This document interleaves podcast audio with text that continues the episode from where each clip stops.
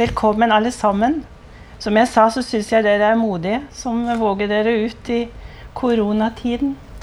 Kommer hit. Vi fortsetter iallfall sånn som vi har gjort før. Eh, jeg heter Sara Judith Hovelstad, for den som ikke har sett meg før. Og jeg jobber som bibliotekar her på biblioteket. Jeg finner meg gjerne tre-fire bøker som har noe felles. Jeg prøver å finne litt nye bøker og litt eldre bøker. Og så lager jeg meg et tema. Så har jeg gjerne et bilde av hver forfatter til disse fire bøkene. I dag er tema fuglehistorier. Sist snakket jeg om krigen, så dette her er litt lettere tema. Uh, fuglehistorier, ja. Jeg har med, tatt med meg fire bøker. Denne her av Britt Bildøen, som heter 'Over land og hav'. Den kom i år. Et år med trekkfugler. Det er en fagbok. Så har jeg tatt med meg 'Fuglenes anatomi' av Merete Lindstrøm, som kanskje noen har lest. Som uh, fikk mye omtale når den kom. Så er det en klassiker her av Richard Bach, 'Måken Jonathan', i nyutgave. Og her er det en liten bok av Klaus Bødel som heter 'Fuglepust'. Så har jeg bilde av forfatterne her. Det her er Richard Bach, som har skrevet 'Måken Jonathan'. Dette er Klaus Bødel, Britt Bildøen og Merete Lindstrøm. Jeg liker å ha et bilde av forfatteren, for da ser dere litt for meg. Så har jeg en sånn liten mikrofon her, hvis dere lurer på. Det er bare min kollega som lager sånn podkast av ting som vi gjør på biblioteket. Derfor står den der. Jeg begynner med den boka her, fagboka. 'Over land og hav et år med trekkfugler' av Britt Bilduen. Den kom på Kagge forlag i år og er på 180 sider og er skrevet på nynorsk. Litt om bokomslaget, som jeg pleier å snakke litt om. Her går det i rødt, hvitt og grått. Vi ser fugler som flyr forskjellige retninger. Og så ser vi en sånn stor rød kule, enten er det kanskje sola eller jordkloden. Språket i denne boka Dette her er en lettlest fagbok. Det er mye luft, som dere ser. Så er det tegninger her. Noen tegninger av fugler, svart-hvitt. Og da står det under, sånn som dette er en rødstrupe, da står det rødstrupe under. Det er ganske fint med de tegningene, syns jeg, for de bryter det opp litt. Skal vi se om jeg finner en til. Her er det en trane. Men det er ikke en sånn fagbok med fuglefotografier som vi er vant med å se. Dette er mer en bok om det å se på og høre på fugler. Boka har 15 kapitler, en epilog og en takk til slutt. Og tre sider med kildehenvisninger. og Det er ganske kjekt, for da kan man finne om andre fuglebøker. Og også nettadresser om fuglekikking og fugleforskning. Eh, hvert kapittel begynner med en liten diktstrofe av en kjent norsk dikter. Og bakerst er det også en oversikt om hvilke dikt disse strofene er tatt fra, og hvilke forfatter og hvilke samlinger, som man kan finne ut hvor det diktet er fra. Ganske kjekt. Hun har tilegnet denne boka sin fugleinteresserte far, som ikke lenger lever. Jeg hadde lyst til å lese noen av de kapitlene, overskriftene, til dere. For da skjønner dere litt at det er litt forskjellige steder vi skal reise. Høgst og lengst Oslo seinvinteren 2019. Det er ett kapittel. Et annet heter 'Et krasjkurs i fuglekikking', Gibraltar, mars 2019.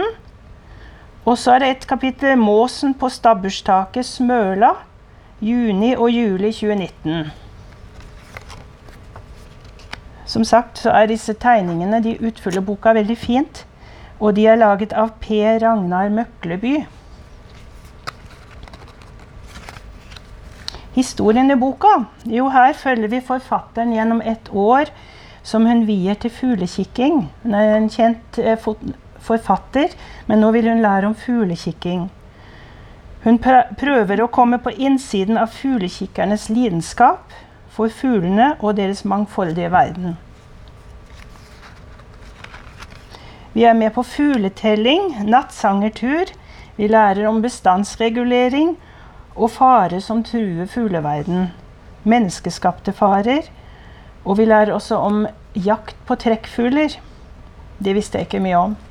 Jeg er gift med en veldig fugleinteressert mann, så jeg, så jeg, vet en del om fugl, men akkurat det om de jakt, jaktmetodene på jakt, eh, trekkfugler i sydlige land, det syns jeg var litt tøft å lese. Um, ja. Vi lærer om hvordan de navigerer. Og, og hvor imponerende det er de lange strekningene de, eh, legger bak seg, og at de finner fram igjen når de kommer tilbake. Vi blir med til Smøla, Marokko, Østensjøvannet og Oslofjorden. Og vi hører om rosenfink, rødneppterne, hortulan og mange flere. Og parallelt med det vi hører om fuglene, så hører vi også om hennes far som dør etter en lengre periode med demenssykdom. Hvorfor liker jeg denne boka her? Jo, jeg syns det er en veldig fin blanding av fakta, opplevelser og refleksjoner. Det er nesten en reiseskildring også, i og med at hun reiser rundt og skal se på fugler rundt omkring i Europa og i Norge. Og så er det litt interessant de fugleentusiastene hun møter, fuglekikkerne, hvordan, eh, hvordan de er som personer. Interessant å høre om. Eh, jeg liker å lese om hennes refleksjoner om hva fuglene betyr for oss, og hvordan de fascinerer oss, men også er veldig sårbare. Hvem passer så denne boka for? Fint julegavetips, forresten. For alle som vil lære litt om fuglenes fantastiske verden. Som vil lære litt om fuglekikking uten at det blir for mye. Og som vil lære om truslene som fuglene utsettes for i vår verden, da, menneskeverden. Eh, som sagt, her er det fakta, men ikke for mye. Og det er flettet fint inn i deg. Så det, du blir nysgjerrig på fuglekikking, men du får også mye annet i tillegg. Sitatet fra coveret over land og hav er en kjærlighetserklæring til fuglene rundt oss og de fine opplevelsene som venter når vi bare får øynene opp for dem. Som sagt er dette en forfatter som har skrevet mange bøker. Litt om henne først. Hun er født 28.1.1962 i Ålesund. Er utdannet bibliotekar, har studert sosiologi hun er som sagt forfatter, oversetter og litteraturkritiker har hun vært i Dagbladet i 96. Hun er medlem, eller har vært medlem i Den norske forfatterforeningens litterære råd og har vært festspilldikter i Ørsta og Bergen under festspillene der. Så er det noen av hennes bøker, da, av mange bøker hun har skrevet. 'Tre vegar til havet' 2018 som er nominert til Kritikerprisen. Ut, så har hun utgitt to barnebøker. 'Peder og plystrelyden', som kom i 94. Og 'Romhunden Odin' 2001. Andre bøker 'Et anna eple' 92. 'På visse tider av døgnet' dikt. 'Tur og orden' 95. Land, 'Landfastlykke' 2001 og alt som er i 2004. Det skjønner jeg mange bøker av Britt Bildøen.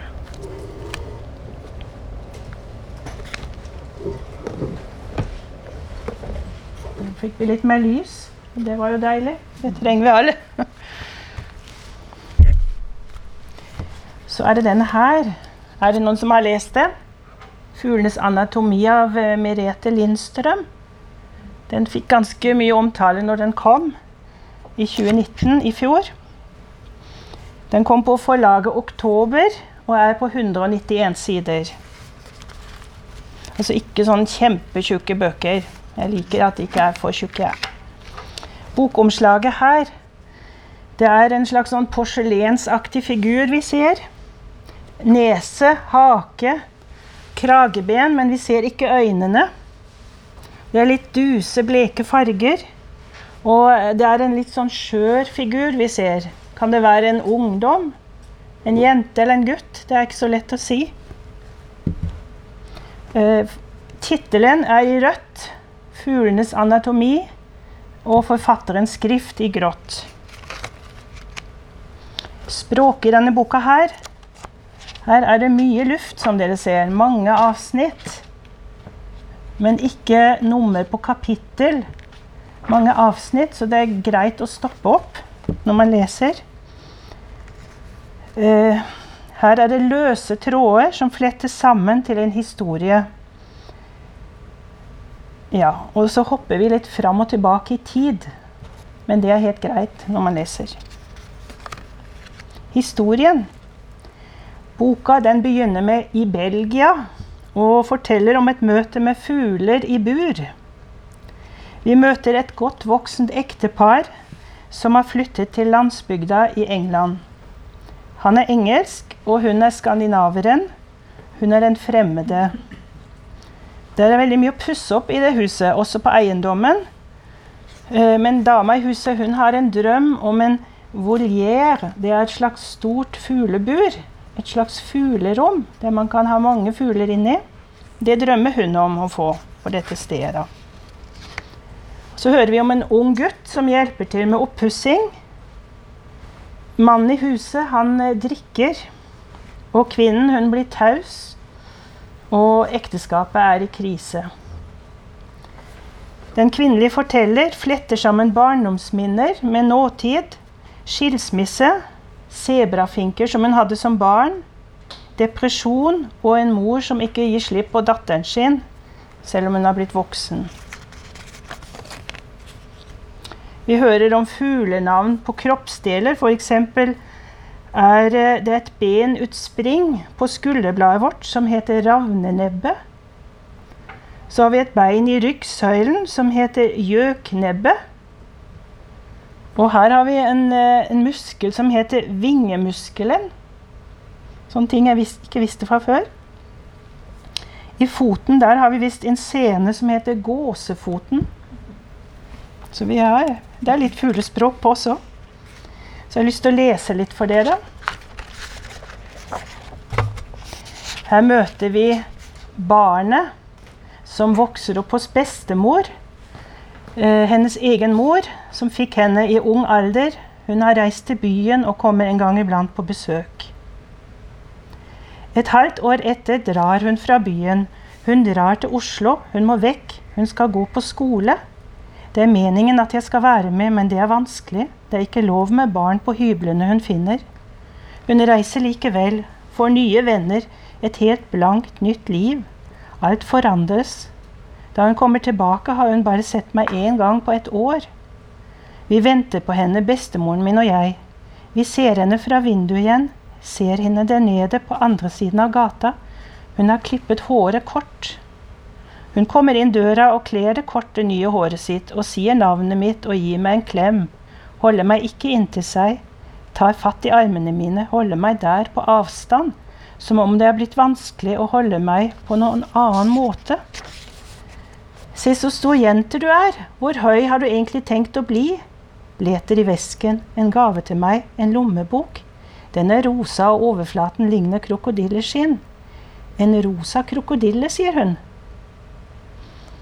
Tenk det, vil du lese for meg, sier jeg. Ja, sier hun, selvfølgelig skal jeg lese for deg. Jeg har fått marsvin, sier jeg. Jeg viser henne marsvinet. Hun røyker og kikker ned i buret. Ovenfra, kikker ned på den lille, flekkede bylten og nikker.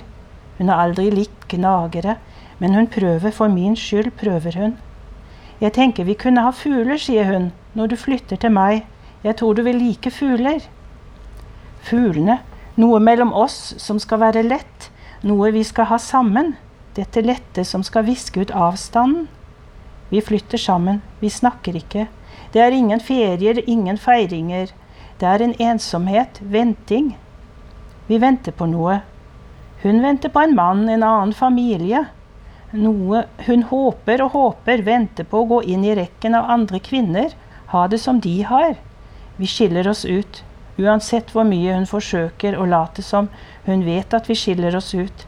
Det er som om nærheten må vente, at kjærligheten må finnes et annet sted først. Og når man finner den, så vil den åpne opp, og da vil den nå meg også, inkludere meg.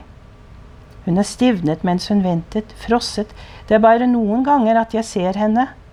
Det er det som er henne når hun danser.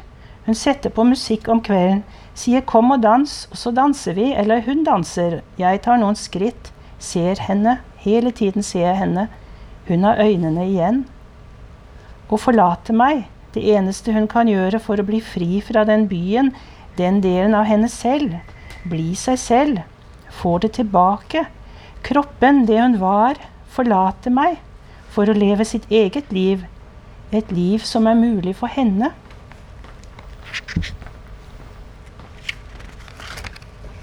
Hvorfor liker jeg altså denne boken? Jo, som dere skjønner, den er veldig stillferdig, presis og ettertenksom. Eh, forfatterstemmen forteller meg en familiehistorie om usynlige barn, mødre som sliter. Det skrives det masse om disse temaene. Med seg selv og som sliter med ekteskapet sitt. Her er det rus og taushet. Og alt dette er plassert inn i en engelsk landsby. Og stadig er vi innom fuglenes og naturens verden. Alle disse avsnittene som jeg vist til dere, som er hele boka, er sånne avsnitt. Gi tid til egne tanker. Rom til refleksjoner for den som leser. Og boka den bekrefter igjen den gamle sannheten. Det nytter ikke å flytte fra seg selv, selv om en forflytter seg geografisk. Ja, så var det litt om hvem den passer for.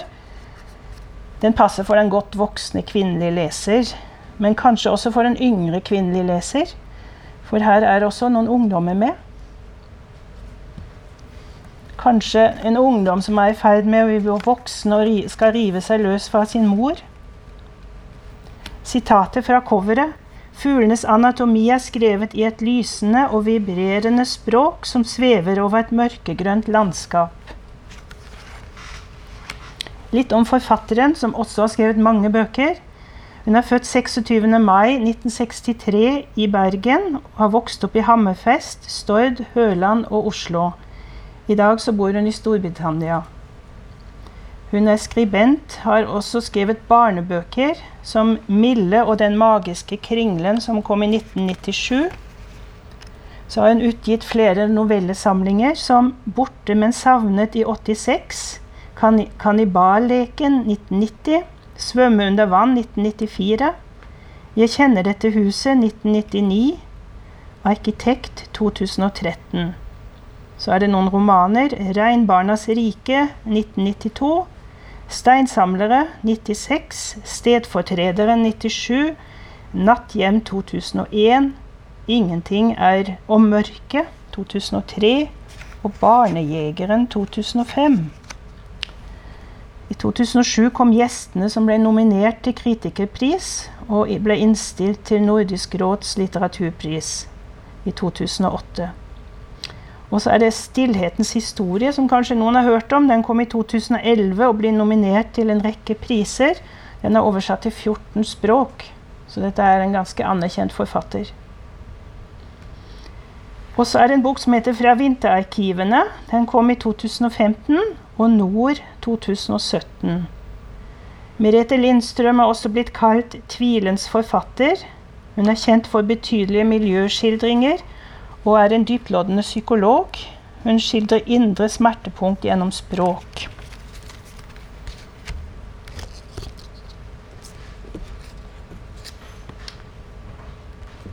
Så er det denne her. Er det noen som har hørt om måken Jonathan? Ja. Dette er en gammel klassiker av Richard Bach. Som, denne her utgaven kom på Cappelen Dam i 2019. Originaltittelen 'Jonathan Livingston Seagull', som kom i 1970. Her er det mange fotografier, svart-hvitt-fotografier av måker i forskjellige situasjoner. Mest i flukt, som dere ser. Mye svart-hvitt. Veldig fint. Gjør boka veldig fint, syns jeg, de fotografiene. Bryter det opp.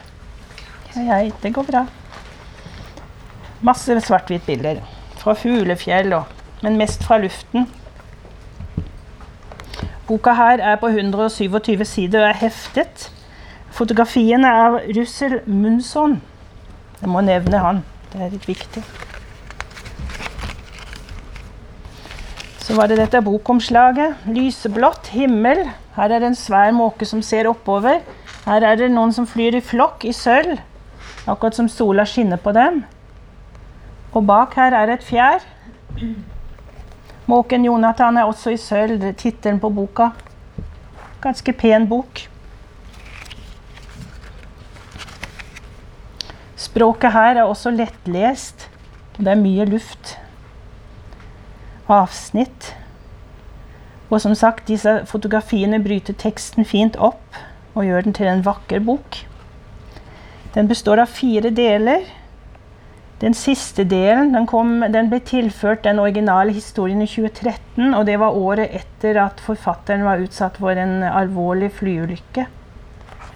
Han har selv tilføyd den på den 2013, i 2013.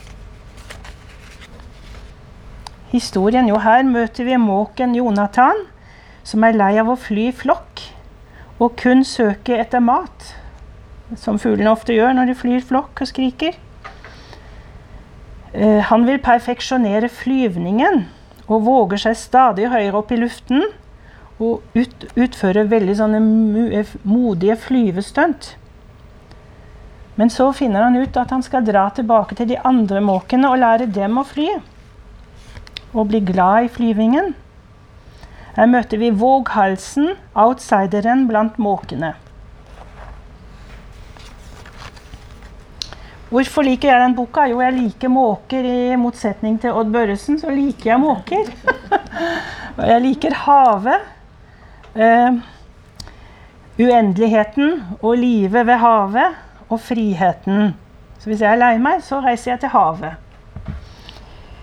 Eh, jeg liker historier om enkeltindivid. Fugler som følger sine drømmer her, men også mennesker som følger sine drømmer. Men som også bryr seg om, om andre. Om de mer vanlige måkene som liker å fly i flokk.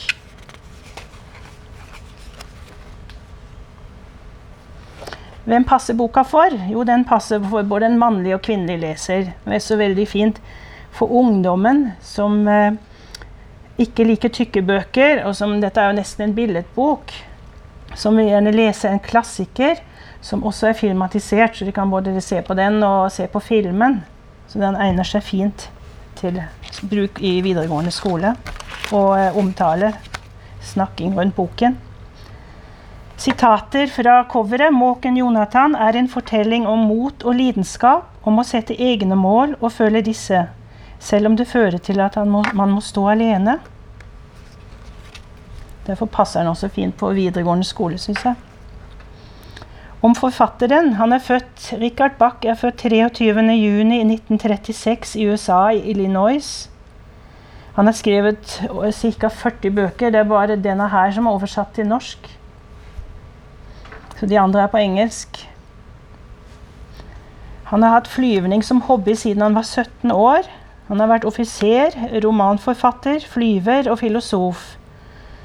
Og som sagt ble han hardt skadet i en flyulykke i 2012. Boken om Jonathan Livingston Seagull er en moderne klassiker. Den ble en bestselger da den kom og er solgt i millioner av eksemplarer og oversatt til en rekke språk. Og den har blitt diskutert i, alders, i alle aldersgrupper og i mange forskjellige miljøer. Og den ble filmatisert i 1973 av Hall Bartlett. Musikken var da fra Neil Diamond. Det husker jeg, at jeg hørte den musikken. Og som sagt er fjerde del den er tilføyd i 2013, etter ulykken.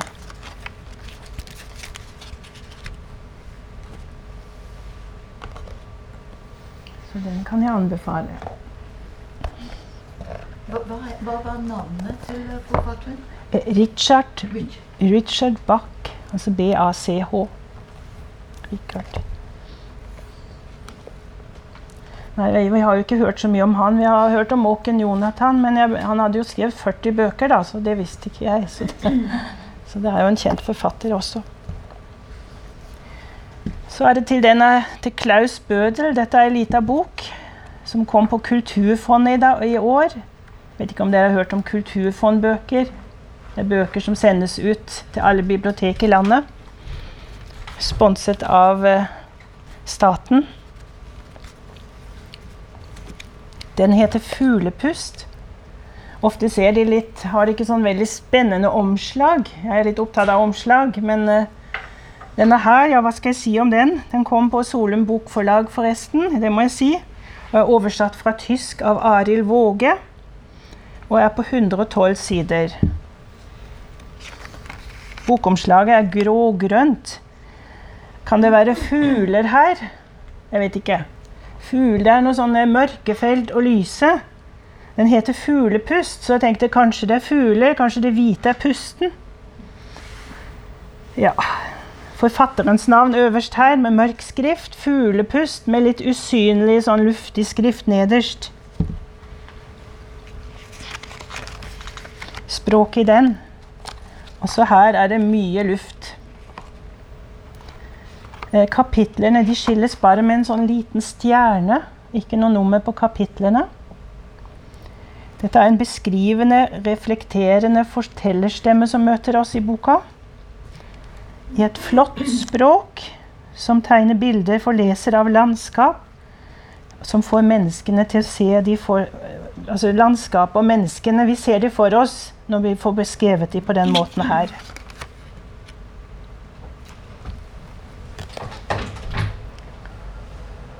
Hva er så historien? Jo, her møter vi Philip, som bor på Færøyene. Han er sammen med Johanna og hennes datter Ranvo. De har bodd to år på Færøyene sammen, men nå går forholdet mot slutten. Johanna hun reiser med datteren til mormor i Danmark, mens Philip han streifer rundt på øya gjør seg sine refleksjoner over barndom, nåtid, livet på en øy langt til havs. Hvorfor liker jeg den? Det må jeg alltid spørre meg. Eh, den er også veldig rolig. En skildrende mannlig forteller. Stemmer her som befinner seg på en øy langt til havs. Siden jeg liker hav og øyer, så likte jeg liksom det. Vi møter her det nordiske, karrige landskapet og folkelynnet. Og det flettes fint inn i historien til denne mannen. Han iaktter livet, landskapet og reflekterer over det. Boka den passer for den kvinnelige og mannlige leser som liker eh, rolige skildringer av natur og folk slik vi ofte finner i bøker fra islandske forfattere. Hvis dere liker bøker av islandske forfattere, så er det litt likheter her. Og så er den tynn. Det er en tynn bok. Den passer for den som ikke vil ha en altfor lang historie. Sitatet fra coveret. Klaus Bødel beskriver årvåkent naturen og menneskene, og hvordan hovedpersonen opplever alt rundt seg og inni seg. Med underfundig humor og svært presise iakttagelser får han fram de minste nyanser i naturfenomener, ansiktsuttrykk og gester. Litt om forfatteren som var ukjent for meg. Klaus Bødel. Han er da en tysker som er født i 21, nei, 21. februar i 1964 i Passau i Tyskland. Han har studert i München og i Lund i Sverige. Nordisk filologi har han studert. I dag er han professor i Kiel, ved universitetet der. Og han underviser i skandinavistikk, og har da spesialisert seg på skandinavisk middelalder. Litt spesielt. Dette er hans første bok på norsk. Han har oversatt en del bøker fra islandsk til tysk, saga-historie. Og han har skrevet en del reiseskildringer. Og så har han skrevet en del om nyere nordisk litteratur, og da særlig svensk nyere litteratur. Så har han fått en del tyske priser for de utgivelsene sine.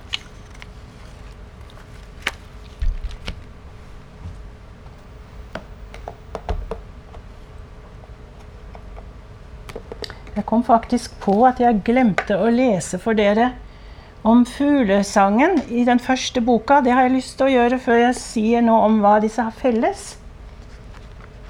For det syns jeg var litt fint beskrevet i den fagboka her, hva fuglesangen betyr for forfatteren. Retter vi merksemda mot fuglesongen, åpner det seg et nytt landskap av lyd. Det er som å dra fra forhenget etter forheng og oppdage nye rom enten det er i skogen eller på myra, på landet eller i byen. Om en klarer å lytte seg forbi bokfinken og løvsongeren, som er de vanligste fuglene, og blant de mer høyrøsta, så ligger det kanskje andre lyder bak der. Ei boblende, plystrende skravling i korte intervall. En hagesonger, og bak der igjen, som en bilmotor som ikke vil starte, men nesten uhørlig, lyst og tynt. Der sitter sannelig en liten fuglekonge har vi først lært oss å kjenne at en del forskjellige arter, begynner vi for alvor å ane hva for et vilt og mangfoldig liv vi har rundt oss, tett på.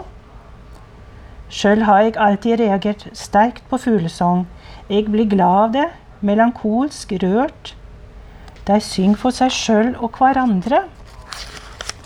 Men ved å lytte kan en få kjensle av å bli innlemma i riket deres, det mystiske fugleriket en annen dimensjon. Jeg undrer meg over de mange som knapt nok legger merke til fuglesongen, for ikke å snakke om de som irriterer seg over levende. Er det noen som lager leven, så er det oss mennesker. Vel, jeg kan kjenne på en liten irritasjon om våren, når soveromsvinduet står oppe og fuglene begynner konserten allerede i 4-5-tida om morgenen. Men når jeg har fått alt eh, stavra meg ut på verandaen med dagens første kaffekopp, er alt tilgitt. På taket til nabohuset sitter staren og reklamerer en, eh, for en trygg reiplass under takskjegget. I, et tre lenger ned i gata holder Svartrasten vår solokonsert. Og en mitraljøs lignende lyd i syrinbusken blir avløst av glade triller. Det må være grønnfinken. Forskning har vist at sangen til hannfuglen øker nivået av dopamin hos hufuglen. Hovfugler. Dette er nynorsk. Hovfugler. Og iblant kjennes det slik for oss jordmennesker også. Fuglesang utløser en liten lykkedusj i nervesystemet.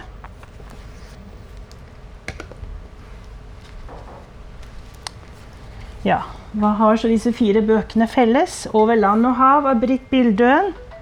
'Fuglenes anatomi' av Merete Lindstrøm.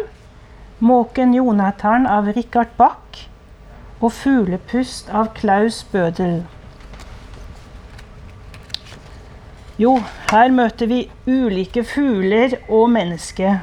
Britt Bildøen hun skildrer mangfoldet i fugleverden og fascineres av alt hun ikke visste om fugler, natur, og hun vil lære. Merete Lindstrøm forteller om drømmen om et fuglerom der fugler kan leve godt og fritt innenfor burets begrensninger. Her fortelles en parallell historie om menneskers begrensning og muligheter. Gjennom bl.a. gjentagende naturskildringer. Det fortelles lavmælt. Måken Jonathan vil bryte grenser, fly høyt, utfordre naturens lover. Han er drømmeren, den sterke som tåler livet utenfor flokken. Det er også mannen på Færøyene i Klaus Børels bok 'Fuglepust'. Han er skjør som en, den kvinnelige fortellerstemmen hos Lindstrøm i 'Fuglenes anatomi'. Her lærer vi også om fuglenavn på menneskelige kroppsdeler, slektskapet mellom fugle- og menneskelivet, frihet, begrensninger, vår felles tid i naturen. Drømmen om å kunne fly som fuglen har fulgt menneskeheten gjennom årtusener. Vi kan undre oss over trekkfuglenes styrke og navigasjonsferdigheter. Vi setter oss i fly og får en aning av høyde og avstand. Hvordan leve med noe så skjørt som fuglepust, menneskepust? Ja, livet som fyller oss, Fugl og mennesker blir synlig for, for seg selv her og for andre. Det her er spørsmål, altså Hvordan bli synlig for seg selv og andre er spørsmål som stilles i disse fire bøkene. Her flykter både fugler og personer fra kulde og mørke og ensomhet. De reiser bort. Eh, noen blir igjen. Men ingen klarer å reise fra seg selv. Ja, det var det jeg hadde å fortelle i dag.